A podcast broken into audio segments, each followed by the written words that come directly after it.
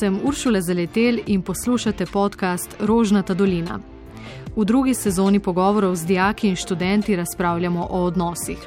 Tema druge oddaje je odnos do znanja in znanosti. Sem Uršula in verjamem, da je učenje vse življensko, gostim pa tri mlade, ki so še upeti v formalno izobraževanje, študente, to so Črt, Ana Vilhelmina in Darjan Anej. Zdravo. Zdravo. Zdravo. Zdravo. Pogovarjali se bomo o odnosu do znanja in znanosti. Obe temi sta seveda zelo prepleteni in še posebej aktualni, ampak za začetek vprašanje, ali se je vaš odnos do znanja kaj spremenil v tem korona času? Črt kolenc, ti si študent matematike, ljubitelj filozofije, latinščine, računalništva. Kako ocenjuješ, opazuješ trenutno izobraževanje? Ja, izobraževanje v globjem pomenu nekako se ni spremenilo, ampak mislim, da je v tem korona času dosti lažje v bistvu razbrati, kaj je bistvo tega, da se učimo v šoli. Zaradi tega, ker je res poudarek na tem, da sam delaš nekaj za to, da razumeš in res izpiliš to, kar je obravnavano. Drugače pa se mi zdi, da šole nasploh obratujejo zelo podobno, ampak imamo zdaj učenci in študenti dosti več neke avtonomnosti, kar se tiče dela na tem področju. Uh -huh. Ampak črt, če te pravilno razumem, zdaj se je izkristaliziralo, da se učimo zase. Da torej, če tudi si morda prepuščen samemu sebi v nekem domačem okolju, se učiš zase in moraš sprejeti neko novo rutino, nov način, recimo, temu izobraževanja nadaljavo. Ja, konec koncev je znanje le tisto, ki ga znamo sami si nekako interpretirati. Poznavanje podatkov na pamet je brezpomensko in če od doma nekako ne delamo na tem, da bi krepili svoje razumevanje, je šolstvo nekako brezpomensko in se mi zdi, da ni niti smiselno delo, ki enostavno zahteva od tebe, da se znajo stvari na pamet, ampak je treba dostopati do tega globjega razumevanja same snovi. Uh -huh. e, kakšno pa bo to razumevanje, glede na čas, v katerem se izobražujete? Ja, zdaj je dosti bolj na nas, da se dokopljemo do tega razumevanja. Zaradi tega, ker vseeno je učenje zelo oseben proces med eh, tistim, ki poučuje in učencem. Um, zdaj pa je ta povezava, kar se da, uskrunjena zaradi tega, ker ni nobenega stika, ne, vsekakor se ne vidimo v živo, uh, niti se ne da nekako prebrati uh, z načina govora ali pa z prikazanega razbirati tega razumevanja, in je res, res teže priti do teh zaključkov sam. Ana Vilhelmina Verdnik, si diplomantka filozofije, politike in ekonomije z Univerze v Oxfordu in pa zdaj magistrska študentka na Londonski šoli ekonomije. Z ekonomskega vidika vemo, bo korona kriza hud udarec za gospodarstvo, kaj pa z vidika izobraževanja?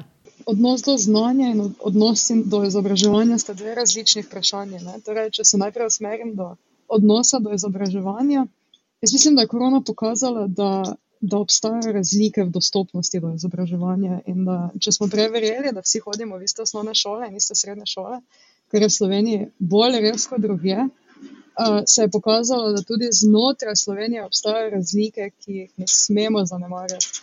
In potem pride korona in pokaže, da nekateri imajo računalnike, drugi ne. Če se je zdelo v Sloveniji izobraževanje prej bolj ali manj enako dostopno na, šol, na osnovnošolski ravni, na srednješolski ravni, se zdaj kaže, da pač to ne smemo imeti kot samoumevno, da nekateri potrebujejo dodatno pomoč, materialno pomoč, da, da pač nekateri potrebujejo študentski dom in da ne smemo imati tega preenostavno. To je odnos do izobraževanja, se po mojem Sloveniji spremenja, ker ga vidimo kot dobrino, ki jo je nujno treba približati porabniku. Kar se pa tiče do znanja, je pa tudi tako zanimiv, podoben način, ker spet moramo, korona nam je pokazala, kako mora narediti znanje dostopno da ni dovolj, da imamo vem, največ doktoratov na prebivalca v Sloveniji, naprimer, na svetu. Kar potrebujemo, je, da je to znanje razumljivo in dostopno vsem.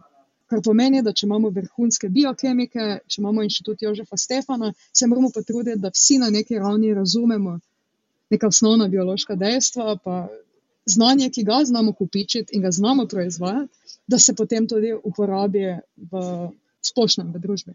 Torej, ja, korona je pokazala nujnost dostopnosti znanja, če je to na institucionalni ali pa na splošni ravni. E, omenila si e, kemike, pa biokemike. E, Darjana Nefras, ti si bodoči kemik z razno raznimi obštudijskimi dejavnostmi, od športa pa vse do umetnosti.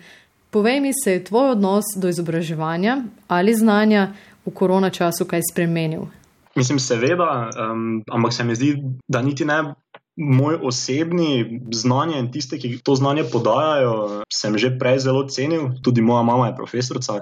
Namreč se mi pa zdi, da je to predvsem začelo malce bolj prehajati v neko kolektivno zavest, um, da niso zdaj učitelji samo eni, ki pridejo tam za šest ur in odpredavajo svoje, in je to to, da je seveda to veliko, veliko truda, ki se niti včasih nima nekega efekta. Sploh pa, naprimer, univerzitetni profesori, pa asistenti, ki so še pa raziskovalci zraven tega in imajo še tisto delo, ki je tudi v bistvu okrnjeno v tem času.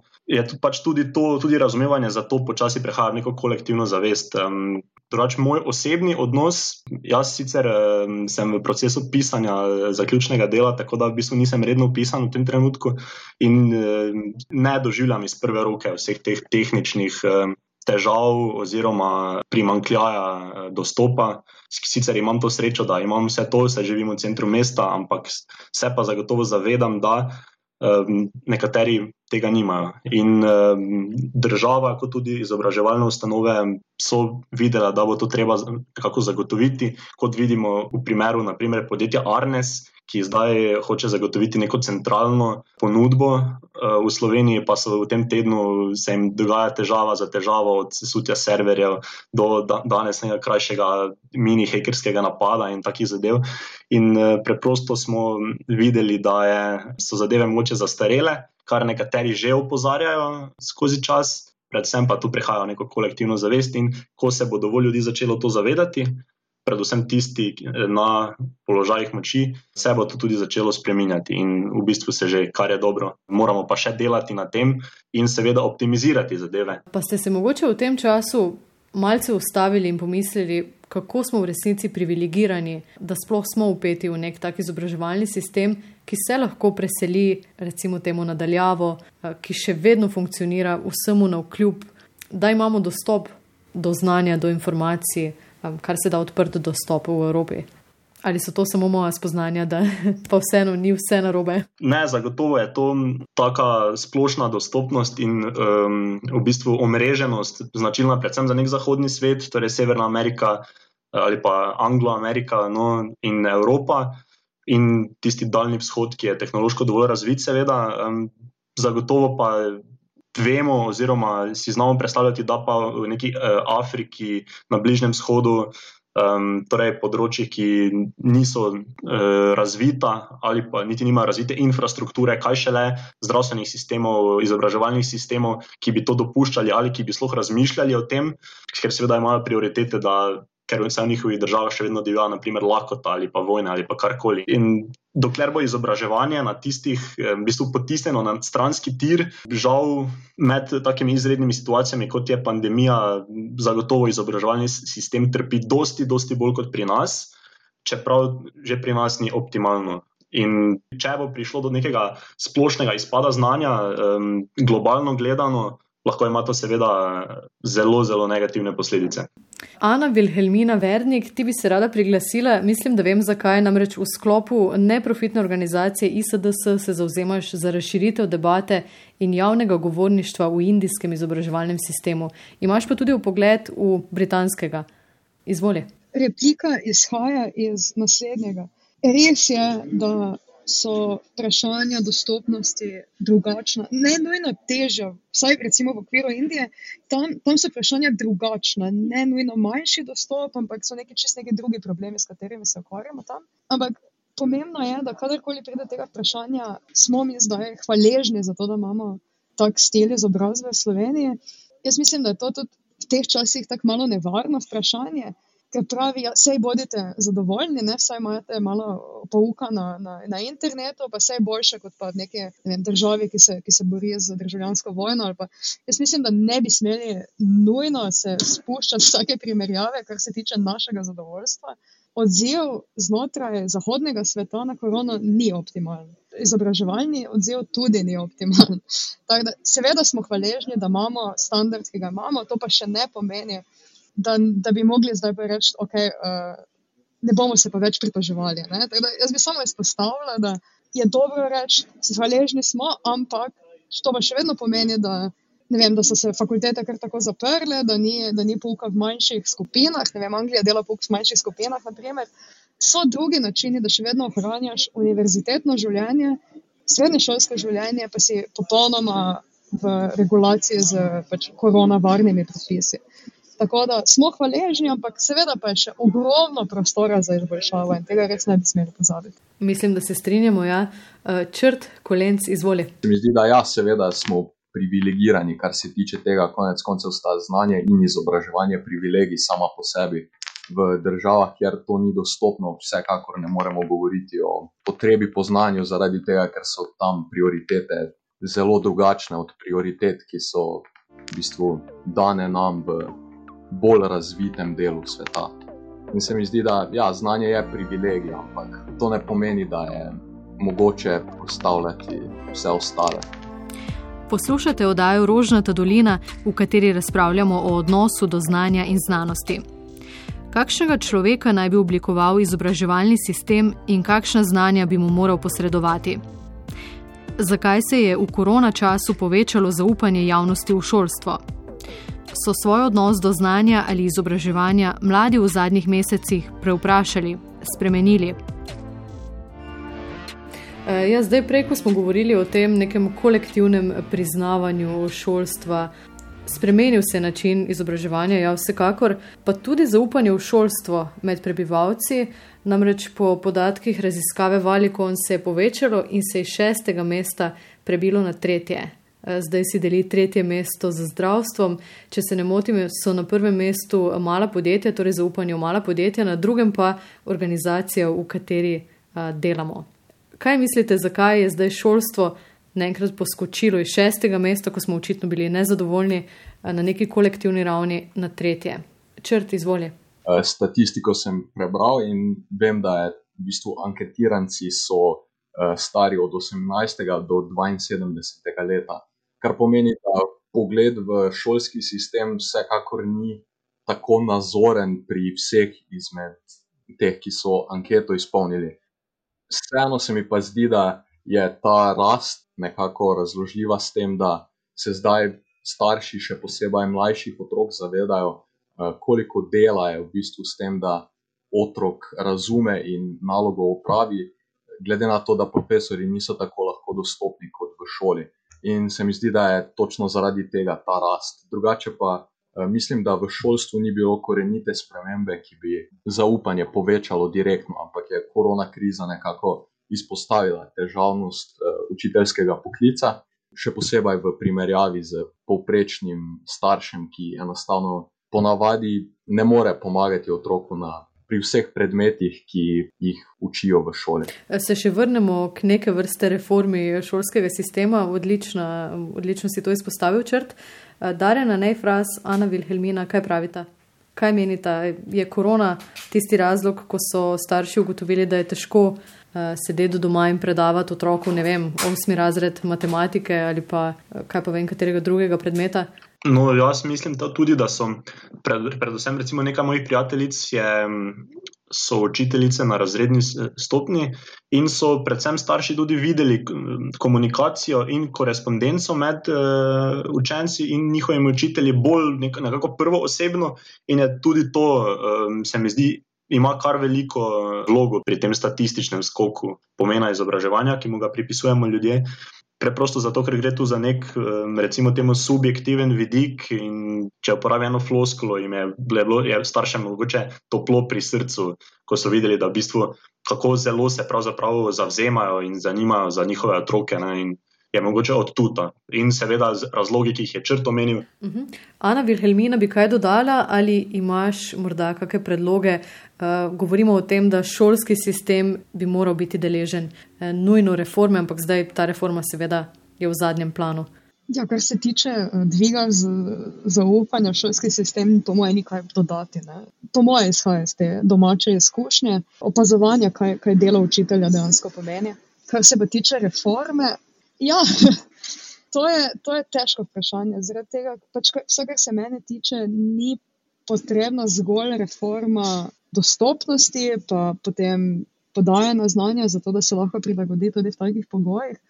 Ampak je verjetno potrebna korenita reforma šolstva v Sloveniji ki bi imela neko usmeritev, ne? ki bi se, ki bi vedela, mislim, kakšnega državljana v principu želimo, kakšnega posameznika. Je to, je to nekdo, ki je samozadosten, da sam začne ne vem podjetje, je to nekdo, ki dela v znanosti, moramo deliti to. Mislim, zdi se, da trenutno je rahlo brezciljno, zdi se, da je dosti memoriziranja, um, da, bi, da bi bilo treba učiti ljudi, kako se bere stvari, in potem se tudi razume, da recimo znanost nam nikoli ne more podati res absolutnega odgovora. Ne? In to se je recimo v koroni pokazalo, da ljudje vidijo študijo, ki pravi, da ja, maske niso vedno učinkovite, in potem se ne razume, kaj ne vem, interval verjetnosti pomeni.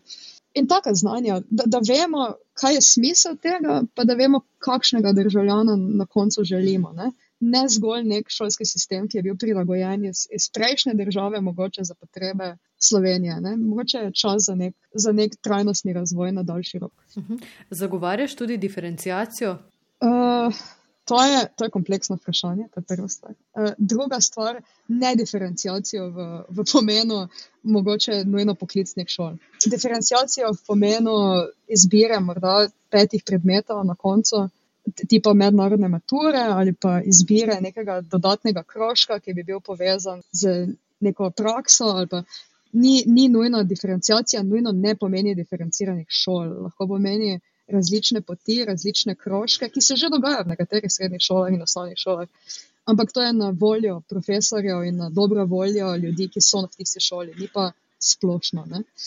V tem smislu, nikakor pa to ne bi smelo biti uh, razumljeno kot popolna diferencijacija šolstva od osnovne šole dalje. uh -huh. Daren, a ne, izvoli. Um, ja, še malo bi se vrnil na, na reformo, ki je nisem eh, nekaj razdelal. Meni se bolj zdi, da bi predvsem bilo dobro osmisliti način podajanja znanja. Na tej točki bi se strinjal z Ano Vilhelmino, ki je eh, napeljala na to, da je naš sistem oziroma iz, način tega podajanja znanja eh, zastarel. Um, ne vem, vedno, vedno več je nekih želj oziroma potreb za večjo interaktivnost, za več uporabe eh, nekih eh, dodatnih materialov. To klasično predavanje, samo pred tablo, eh, brez vsakih pomagal, vedno, tega je vedno manj. In predvsem nekaj v tej smeri, ne, morda je vedno teže aktivirati učence, je, oziroma je zato treba vedno več truda vlagati kar je pa je seveda po eni strani razumljivo, um, predvsem uh, zaradi količine informacij, ki jih do, dobivamo vsak dan, ki jih je pač leta 2020 veliko več, kot jih je bilo v prejšnji državi, kot se je zelo slikovito izrasla Ana. In uh, predvsem na tem bi se dalo delati, po moje, in to optimizirati. In pa se tudi strinjam, da, da moramo osmisliti, um, kaj mi v bistvu hočemo, da bodo naši učenci, dijaki, študenti znali na koncu teh programov, tudi, tudi v smislu neke etike, morale, ne samo nujno vsebine. Vsebinske reforme so, če nekje daš več, moraš nekje vzeti in to je eh, lahko ta pregovoren slippery slope. Tako da, ja, to sem še hotel samo povedati. Pretehtati, kaj je uporabno, kaj želimo s tem doseči in zastaviti neke cilje, ki so smotrni za čas, v katerem živimo. Tako, tako, to je kar dobra, uh, dober, dober povzetek. Bova se stavila v vodnik v reformo. Črt kolenc, izvoli. Ja, eh, šolstvo se mi zdi, da vsekakor potrebuje reformo. Optimizacija je pa tako zelo, zelo široka beseda. Vso znanje, ki ga pridobivamo v šoli, je podano z namenom, da se ga bo znalo uporabiti. Vseeno pa te rabe ne dobimo toliko v samih klopeh in na preverjenih znanjah se ponavadi razumevanje samo zelo težko pokaže. če govorimo o optimizacijah, se vseeno treba zavedati, da je podajanje razumevanja dosti teže kot podajanje podatkov posamezniku. In je zelo, zelo težko pričakovati, da lahko zelo dober profesor prav vsakega dijaka pripravi do razumevanja na nekem globjem nivoju. E, zato se mi zdi, da ko govorimo o optimizaciji, je boljši pristop, kar se tiče podajanja znanja, pristop, da se v šolah vsaj uči preprostejše koncepte in da se res dela na razumevanju vsaj teh preprostih konceptov. Naprimer, tolmačenje statistik in raznih raziskav se mi zdi, da bi moralo igrati dosti večjo vlogo, kot jo igra zdaj. Super, črtno nadaljujva s tem. Kaj pričakuješ od izobraževanja, kakšen izkupiček, eh, kakšnega človeka naj bi torej formiral izobraževalni sistem, sploh nekoga kot ste vi, vi trije? V zelo preprostem smislu se mi zdi, da bi naj težilo ravno proti želji razumevanja učenega, neko mero radovednosti vzbuditi v človeku. In se mi zdi, da je specializacija ali nekakšna diferencijacija na raznih področjih pomembna. Ponavadi razumevanje pride z širino. In ko odvzemamo šolstvu širino, ko skušamo optimizirati stvari, je zelo nevarno, zaradi tega, ker že recimo razne raziskave trdijo, da uh, ukvarjanje z glasbo in umetnostjo zelo pozitivno vpliva na razumevanje globih idej, matematike in fizike, raznih naravoslovnih predmetov, česar ne bi pričakovali. Uh, zato se mi zdi, da je vzgoja, kar se tiče teh bolj mehkih znanosti, umetnosti, prav tako pomembna kot ta analitičen pristop. Vseeno pa je zelo težko izbrati eno izmed teh dveh strani. In mislim, da je res treba ju obe paralelno nekako izpostaviti v šolstvu. To je ta interdisciplinarnost. Res je, ja. Točno to eh, medpredmetno povezovanje, ki je taka fraza, ki se jo zelo rado cepi, kamorkoli je mogoče, pa ponavadi pomeni zelo malo. In zdi se mi, da bi točno tega morali imeti več v nekem širšem smislu. Torej, že to, da po segmentih v šoli, naprimer, se učita matematika in fizika, čeprav gre za zelo podobni, zelo, zelo podobni znanosti. In se mi zdi, da ko še posebej mlajši otroci, uh, ki so, po moje, najpomembnejši prejemniki šolskega sistema, um, nekako ne povezujejo stvari sami od sebe. In mislim, da je treba te povezave na neki ravni dosti bolj razvidno pokazati v šolskih klopeh, vseeno je pa to zelo, zelo težko izvedljivo. Ana Vilhelmina, kaj ti pričakuješ od izobraževanja? Eh, je kak končni cilj, eh, ki ga vidiš? Ne vem, je to služba, je to, eh, daješ prednost neki splošni razgledanosti, o kateri pogosto govorimo. Kaj je tisto, kakšnega človeka naj bi formiralo tako dolgotrajno izobraževanje? Zdaj, zagotovo to ni služba, ne? zaradi tega, ker noben od nas ne bo držal ene službe več kot 5 do 10 let. Stvari se spremenjajo tako hitro, da, da, da, da služba je težko potem usmerjati izobraževanje v ta stil, ker ne vemo, kaj bo služba v naslednjih 15 letih. In to je verjetno odgovor na to, koga hočemo izobraziti. Izobražujemo ljudi, ki se spopremajo s svetom, ki se spremenja neskončno hitreje kot kadarkoli doslej. In na tak način mora potem, zato rabimo daljše izobraževanje, hkrati pa zato rabimo izobraževanje, ki na nek način osvobaja. Ne? In to je potem, ko govorimo o interdisciplinarnosti, ko govorimo o kritičnem razmišljanju, ko govorimo o tem, da obvladamo neko osnovno statistiko. To so same znanja, ki nam omogočajo, da potem, ko se stvari spreminjajo, se sami zmoremo učiti dalje. Torej, znanje bi moglo osvobajati na nek način, da se znamo odzivati na spremembe v našem okolju.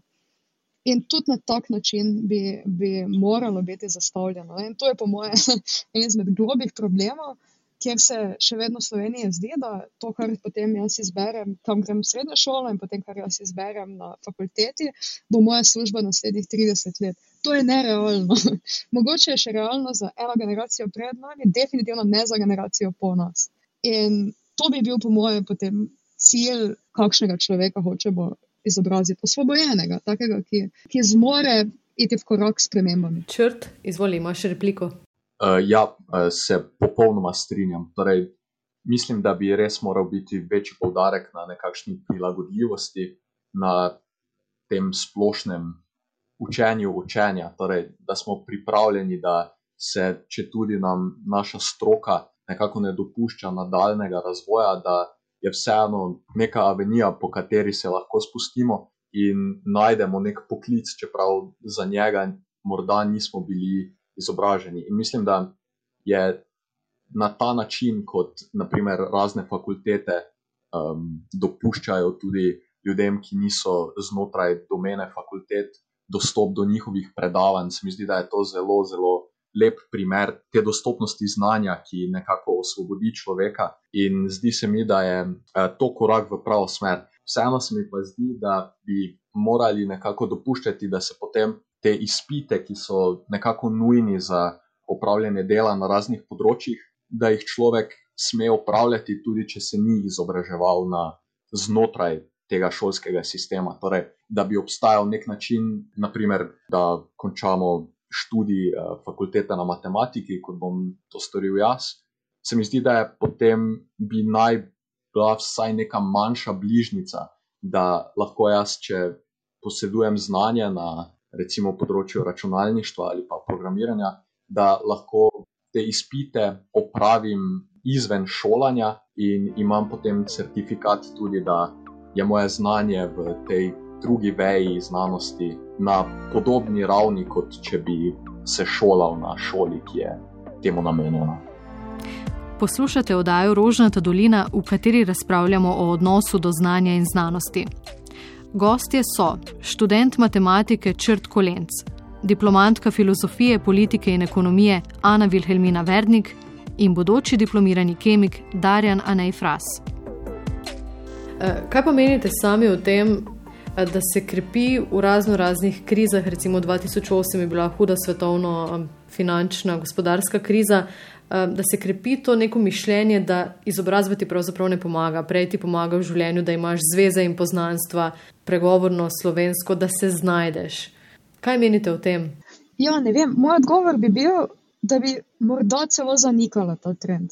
Če sem iskrena, ta trend je mogoče, kako ne rečem, tako folklorna.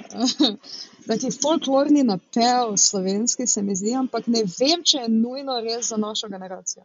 Oziroma, upam si trditi, da ni jasno, da, da, da ne poznam podatkov dovolj dobro, ali pa da vsaj na ravni osebne izkušnje se mi zdi, da morda to ni res. Morda je res, da se pač vedno več ljudi zaveda, da to, kar pridobiš na univerzi, ni nujno to, za kar potem te zaposlijo. Kar je črto primer, je mislim, čisto res. Ne?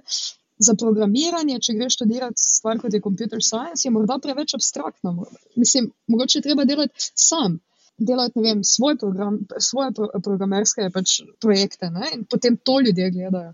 Ne vem pa, če so veze in poznanstva in tak način delovanja nujno karakteristika naše generacije. Sploh pa, ko pride do takih kriz, se potem pokaže, da službe bolj ali manj, vsaj 2-8, so v razvitih ekonomijah obdržali visoko izobraženi kadri. In tudi zdaj, v korona krizi, bojo najmanj prizadeti visoko, visoko izobraženi kadri. Tako da jaz ne bi zapadla v ta, ta folklorni način razmišljanja, da zdaj mi pa tudi razmišljamo. Tako, mogoče pri kakšnem družinskem kosilu se to sliši, ne vem pa, če je to res v poprečni učilnici srednje šole. Ja, tudi meni se zdi, da je to folklora preteklih generacij znajdi se, gledaj, sosedce, pa znaš, pa nima diplome, zdaj pa je mizar. Kot da ne govorimo o istih stvareh eh, in o istem profilu, isti izobrazbi, eh, da je znanje vseeno pri naši generaciji drugače cenjeno in da vseeno izbiramo nek poklic ali pa se usmerjamo k temu, kar nas veseli, ker službe več niso tako predvidljive, kot so morda bile nekoč, oziroma področje, na katerih se lahko zaposlimo. Ja, spoh, in, in to je simptom, po mojem, naše generacije, ki pravi, to, da nekdo vozi pač avto nek, neke znamke, je dosti manj pomembno, se mi zdi, ali pa, ali pa da je lastnik hiše. To je nepredstavljivo za našo generacijo. Noben ne bo lastnik hiše. In neke take materialne dobrine, pa nek status. Nima iste vrednosti, no? ni, ni več sosedova trava najbolj pomemben del našega življenja. Uh mhm. -huh. Črt, Darjen, a ne eh, govorimo o tem, ali še vedno velja več znaš, več veljaš, ali se krepi uh, tista folklora preteklih generacij? Um, no, jaz mislim, da v bistvu um, vedno bolj spet prihaja v spredje ta nek profil renesančnega človeka, torej nekoga, ki uh, je dober ali pa ima veliko znanja na več področjih, in tudi, naprimer, delodajalci vedno več poudarka, na, recimo na nekih razgovorih, dajo nekim mehkim veščinam, nekim, vedno več nekih osebnih vprašanj, aha, kaj, kaj počnejo njihovi delavci v prostem času. Je prišlo v spredje to zavedanje, da ne bo samo kvali, delavec veliko znanja dobro delal, da je zelo veliko odvisno tudi od tega, ali je ta delavec zadovoljen ali je srečen. Zato so, so seveda se tudi podjetja na globalni ravni um, začela zanimati za to in tudi aktivno delajo v tej smeri. Vem, da eh, imajo dodatni dan dopusta, če bodo delali prostovoljno ali pa ne ponujajo za ston cepljenja svojim delavcem eh, in tako dalje. Eh, veliko bolj se je začelo ceniti neke te mehke veščine in. Eh, tudi mladi se mi zdi, da se tega zavedamo in si po domače povedano z različnimi stvarmi filamo življenje, pise, če hočem to malo tako surovo povedati. Ne. Ampak zagotovo se mi pa zdi pomembno oboje. Zagotovo je formalno izobraževanje zelo pomembno, kajti eh, formalno izobraževanje je plod nekega konsenza strokovne javnosti. Eh, ki narekuje, kaj je relevantno v tej stroki. In eh, zagotovo je to pomembno, seveda, naj se vedno optimizira, naj se iščejo nova znanja, naj se izboljša tisto, kar se da, ampak tudi te um, prostočasne aktivnosti ali pa neprofesionalne aktivnosti, konički in razni interesi, zagotovo so pomembni. To sem hotel dodati v bistvu. Uh mhm. -huh. Črt, izvoli. Ja, glede tega pregovora, več znaš, več veljaš. In kje je v bistvu ta meja med znati se in znati nekaj v formalni izobrazbi. Zdi se mi, da bi naj ti dve stvari šli z roko v roki. Torej, znati se, človek, ki je izobražen, bi naj bil sposoben najti rešitev, dosti lažje kot nekdo, ki formalne izobrazbe uh, ni dokončal. Torej, res gre sta ponavadi z roko v roki. Torej, znati se in vedeti več bi naj bilo v isti smeri nekega delovanja. Te prostočasne aktivnosti pa so vsekakor pomembne, zaradi tega, ker točno to kažejo. Ne? V bistvu lahko nekaj, kar delamo za zabavo, prav tako preprosto pretvorimo v poklic, če se v točno to smer dovolj poglobimo. In mislim, da je na ta način znajti se mogoče celo pomembneje od tega, kakšna je formalna izobrazba. Uh, kot ste prej omenjali, kar se tiče pisanja programov, mislim, da je Ana to prej omenila, se zelo hitro lahko znajdemo, če smo više izobraženi. Zelo dobro razmišljate in vidim, da uh, premislite, da takoj uh, ne padete na eno izmed ponujenih opcij, ampak razmislite, kako se da ti dve povezati. Ali celo opustiti obe hkrati, me zelo veseli.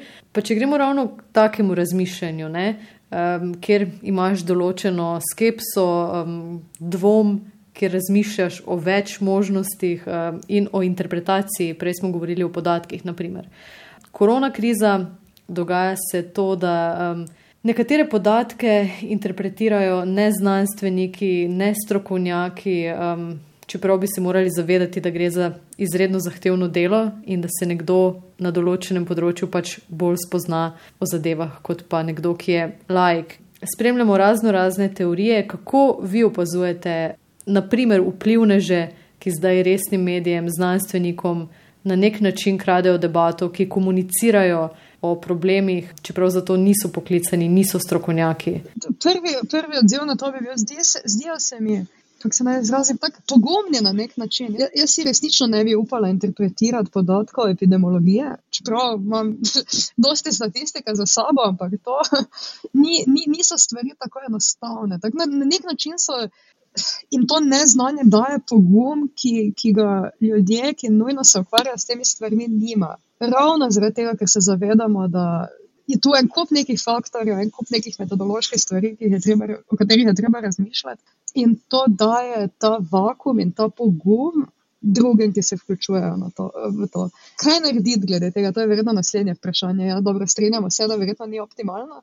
Zdaj, moj odgovor na to je, da verjetno vse izobraziti na, na neko raven statističnega znanja, pa epidemiologija je, je nepojemljiva. Mislim, jaz nimam takega znanja in ga nikoli ne bom imela, ker pač to ni moje, moje področje. Ne? Ampak zdaj, kaj narediti, je pa verjetno potem to odgovor V drugem delu, s katerim se ukvarjam, je pa politika. Ne. To pa je potem vprašanje tega, kar se v družbi dopusti, kar se nam kolektivno zdi kot normalno in primerno, kaj ljudje, ki so tam, ki so na položajih, da, da sporočajo javnosti stvari in da, da se odločajo skupaj z javnostjo, kako gremo naprej. Če ti ljudje pustijo vakuum in če podpihujejo, še, še huje, podpihujejo tak način izražanja, potem imamo problem. Tako da, čeprav jih hitro zapademo, da rečemo, da ljudje niso dovolj izobraženi, ali pa druga del, znanstveniki ne znajo stvari dovolj razložiti. Znanstveniki niso tam nujno zato, da, da se ukvarjajo z public relations. Ne? Zato moramo ljudje, ki pa so na položajih, ki se ukvarjajo z javnim mnenjem, pa vzeti mogoče to malo bolj resno, no? malo z. z nekoliko višjim standardom, kot smo ga videli do zdaj. Uh, Darjena, naj fraz, zakaj se dogaja, da um, v javnem prostoru znanost interpretirajo neznanstveniki? No, razlogov za to je seveda več. Eden od njih je lahko, da si ljudje hočejo na preproste načine razlagati stvari, da ne, ne razumejo ali pa nočejo sprejeti neke zelo kompleksne razlage, ki ima na tisoče spremenljivk. Prosto po okamovem rezilu, aha, tisto, kar je najbolj preprosto, je res, torej, aha, lažejo nam, eh, čipirajo nas, ne vem kaj. Specifično na to korona situacijo pa je seveda, da je to nova zadeva, raziskav je malo, bile so narejene relativno hitro, so še vedno v teku. Tiste, ki so objavljene, morda so bile manj uh, peer-reviewed, uh, torej da so jih. Da so jih kolegi v stroki, so, so te raziskave manj pregledali, kot bi jih sicer, kaj ti tam se mudi, papir je treba dati ven, raz, nujne stvari, cepiva se razvijajo, itd. In se, ko se nekaj dela hitro, seveda prihaja do razhajanj v mnenju stroke. In nekateri strokovnjaki, ki so lahko bli, zelo blizu tej dotični epidemiologiji, infektologiji, itd. Eh, se lahko ne strinjajo. Potem pa seveda um, nekateri imajo konflikte interesov in bodo govorili različne. Nem, znanje, posnetek, ko so na neki slovenski okrogli mizi stali oziroma sedeli um, ljudje iz zdravstvene stroke, um, seveda med njimi pa ni bilo epidemiologa. In vse oni so zdravniki, zakaj pa tem zdravnikom ne bi zaupali ljudje? Ne? In redko kdo pa bo šel tisti en korak dlje in bo pogledal dejansko specializacijo teh ljudi konsens stroke, mogoče malo manjka, bi rekel, ampak to se bo s časoma zagotovo popravilo, specifično glede na korona situacijo. Je pa zagotovo, pa živimo v tej tako imenovani post-truth družbi, kjer um, lahko vsak pove vse. Nekateri to verjamejo, nekateri niso iz prejšnjega sistema niti vajeni tako velike količine medijev, tako velike količine informacij, kot jo imamo dan danes in je pre, preprosto pregorijo. Sploh nekdo, ki zelo veliko psihično in fizično dela, pride domov, kaj bo zdaj še se dve, tri ure poglabljal v neke raziskave, pa članke, pa izraze, ki jih sploh ne razume. In pač verjamem nekomu, za katerega se je odločil, da je verodostojen. Naprimer, Marko Potrč, ker je on imel mikrobiologijo v srednji šoli, kot to sam pove. Ne. Razlogov je več. Jaz mogoče malo idealistično gledam, ko rečem, da e, resnica se bo na koncu izkazala, zato ker resnica se ne rabi braniti, medtem ko laž mora konstantno si krit hrbet. Zagotovo pa tudi eh, resničnost raziskav, ki bodo seveda leta 2022, kadarkoli že bodo, jih bo več, eh, bolj bodo pregledane, bolj bodo osmišljene, imeli bodo boljšo metodologijo, eh, večje vzorce in bodo seveda bolj relevantne. V oddaji Rožnata dolina trije študenti razmišljajo o znanju in znanosti kdo širi teorije zarote in kdo jim verjame. Bi se z njimi morali ukvarjati ali jih takole legitimiramo? Kakšne posledice nosimo kot družba zaradi dvoma v znanost, celo zanikanja znanstvenih dognanj? E, zdaj bi vam pa rada predvajala del pogovora z dr. Vojkom Flisom, e, to je generalni direktor Univerzitetnega kliničnega centra Maribor, ki ga je posnela novinarska kolegica, ki poroča o znanosti in jo približuje ljudem, e, Maja Rataj. Prisluhnimo in bomo potem pokomentirali. Ob nobeni pandemiji ni bilo prav nič drugače kot je sedaj. Pojavljali so se lažni preroki, pojavljali so se tisti čudodelci, ki so trdili, da imajo zdravilo, pojavljali so se tisti, ki so zanikali, da bolezen sploh obstaja. To je najbrž običajna človeška psihološka reakcija, takrat, kadar se začne nekaj, česar ne razumemo prav dobro in česar niti ne znamo zaeziti prav dobro. Med seveda ljudmi, ki o biologiji ali pa molekularni biologiji ne vedo prav veliko. Torej, pravi ne gospod doktor, da gre za neko običajno reakcijo ljudi, ki se na nekaj ne spoznajo in raje zanikajo in raje sprejmejo neko bolj posplošeno, recimo temu, resnico. Ampak prosim vas, da pokomentirate, kakšne posledice potem eh, nosimo kot družba zaradi takih teorij zanikanja znanstvenih dognanj. Odgovor na to vprašanje se mi, moram reči, da pravzaprav izmika, lahko samo ugibam. Po moje se bolj poistovetijo s tistimi, ki to govorijo, vem, ali so bolj na njihovem nivoju komunikacije ali česar koli. Res tu nekega enoznačnega in gotovega odgovora, žal, ne poznam. Je pa se mi zdi tu, da pomemben faktor igra tudi komuniciranje znanosti. Torej, tisto, kar je Ana Vilhelmina omenila, da sedaj niso strokovnjaki tam, pa znanstveniki, zato da bodo zdaj oni to razlagali, da to mora PR tu bi se strinjal delno. Jaz mislim pa, da je komuniciranje znanosti vedno bolj pomembna uh, stvar, ima vedno bolj pomembno vlogo. Lahko razumemo neke doktore znanosti, ki so dokaj nestrpni, ko slišijo neke te teorije zarote in samo zamahnejo z roko in jih pravzaprav niti ne obravnavajo in jih niti ne legitimirajo z odzivom. Ampak po drugi strani pa je to v bistvu nekonstruktivno, po mojem mnenju, kajti ne povejo, zakaj so to, te teorije zarote slabe, zakaj niso resnične. In to komuniciranje peša in manjka v današnji družbi, se mi zdi neka panoga. Ki bi bila odgovorna za to, za neke bolj preproste, bolj poljudno znanstvene, ampak še vedno relevantne razlage javnosti, ki bi jih razumeli in bi se lahko ljudje bolj poistovetili s to znanostjo, ki jo včasih dojemajo celo kot arogantno. Ob tem si je v bistvu z lahkoto predstavljati eh, te temačne scenarije. Ja, nekdo, ki je tako aroganten in eh, ne bo niti se odzval na to, nam hoče nekaj slabega. Če kaj bi spremenil ravno to komuniciranje znanosti? Ja, um, meni osebno se tolmačenje teh uh, družbenih pojavov sicer zdi pomembno, ampak vsekakor je. Kot so te razne teorije zarote, ki jih omenja v svoji izjavi, in to, da ljudje stremimo k temu, da uh, bomo nečemu, kar vzbuja nelagodje, raje ne verjeli, kot pa verjeli. Uh, zdi se mi, da je to res, enako kot v izjavi, zelo preprost človeški odziv. Vseeno pa smo kot družba na določeni točki, kjer večina problemov, s katerimi se soočamo, več nima teh preprostih rešitev naprimer, kot smo omenjali prej s šolstvom in ostalimi sistemi, ki so vsekakor potrebni reforme. Zdi se mi pa tudi, da se zatekanje k tem teorijam zarote, slej kot prej, kot je prej poudaril Enej, eh, izkaže za neresnično, čeprav se tudi jaz zavedam, da je to optimistično. Vseeno pa.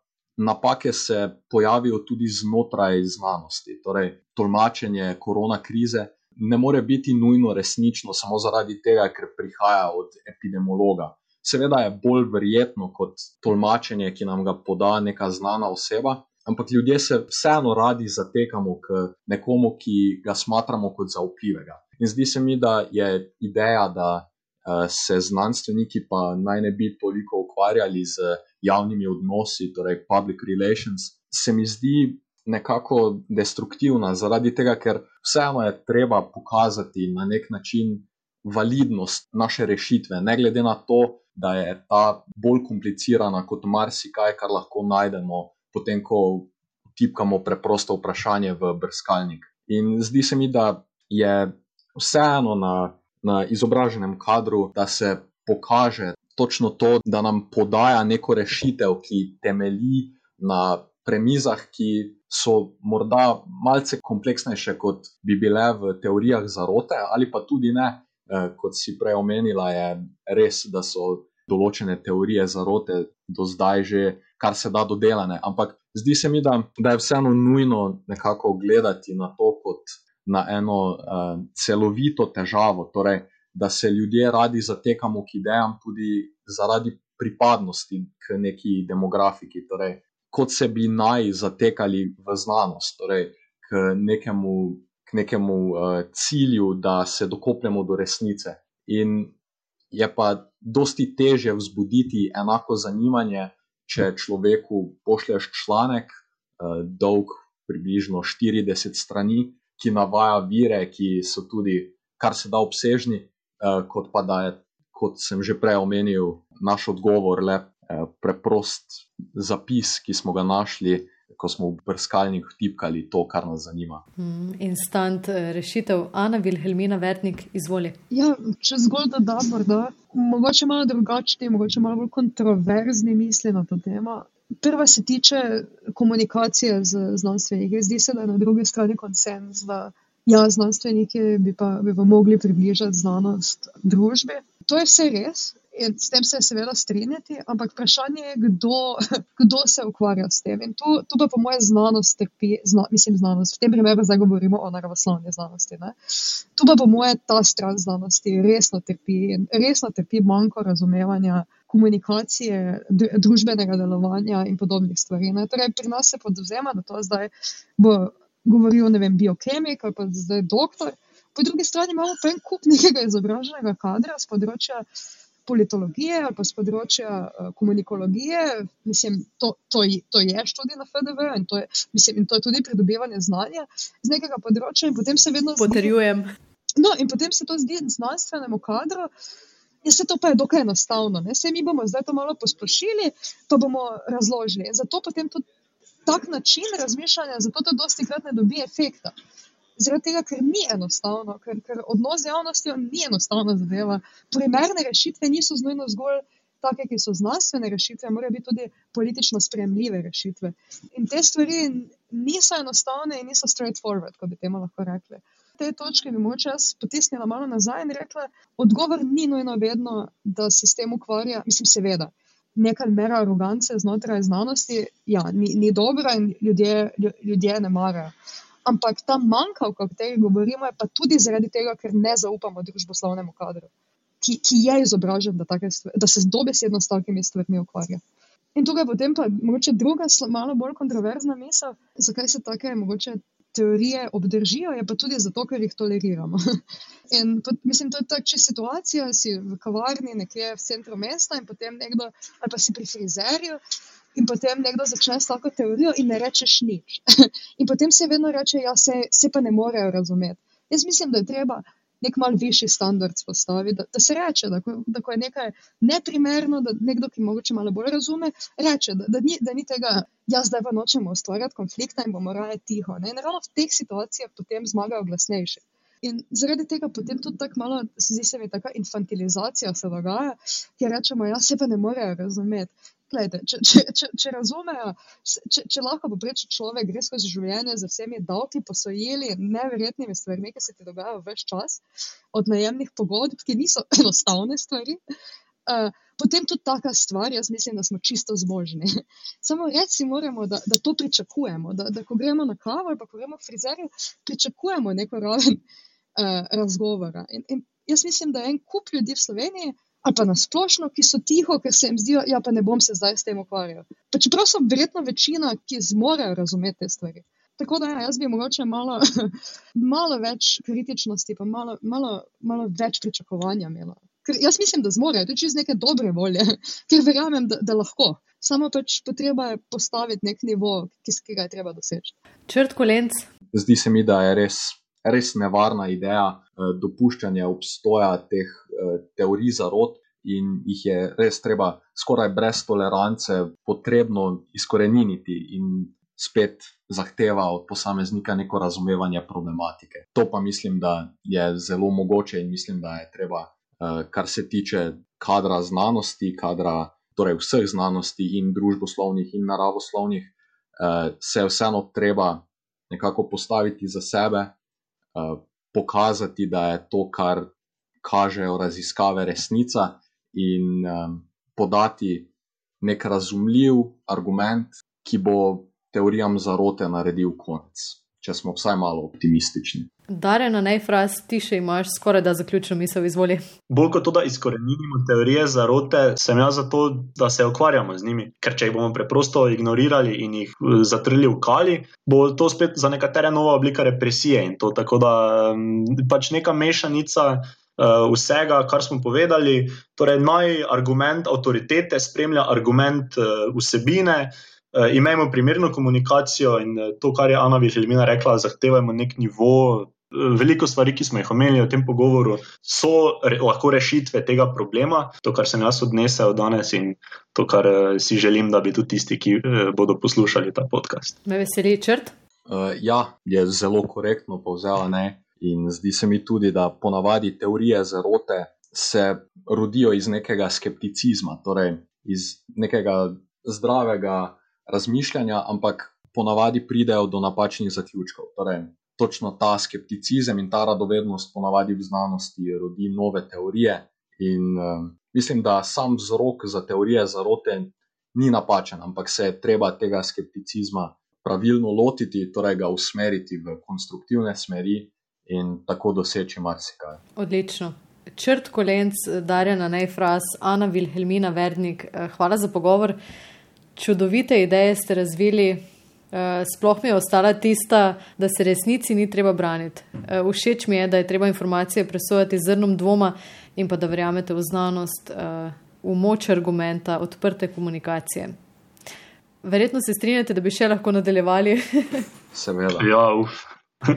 Še in še odprli smo nove in nove tematike, morda v živo, ko bomo spet na prostem. Se strinjam. Lepo se imejte. Enako, nasvidenje. Poslušali ste oddajo Rožnata dolina, drugo v seriji, ki je posvečena odnosom. Trije študenti so debatirali o odnosu do znanja in znanosti. Ne zamudite prihodnje epizode, vse pretekle pa najdete na val202.si in med podcasti Radia Slovenija.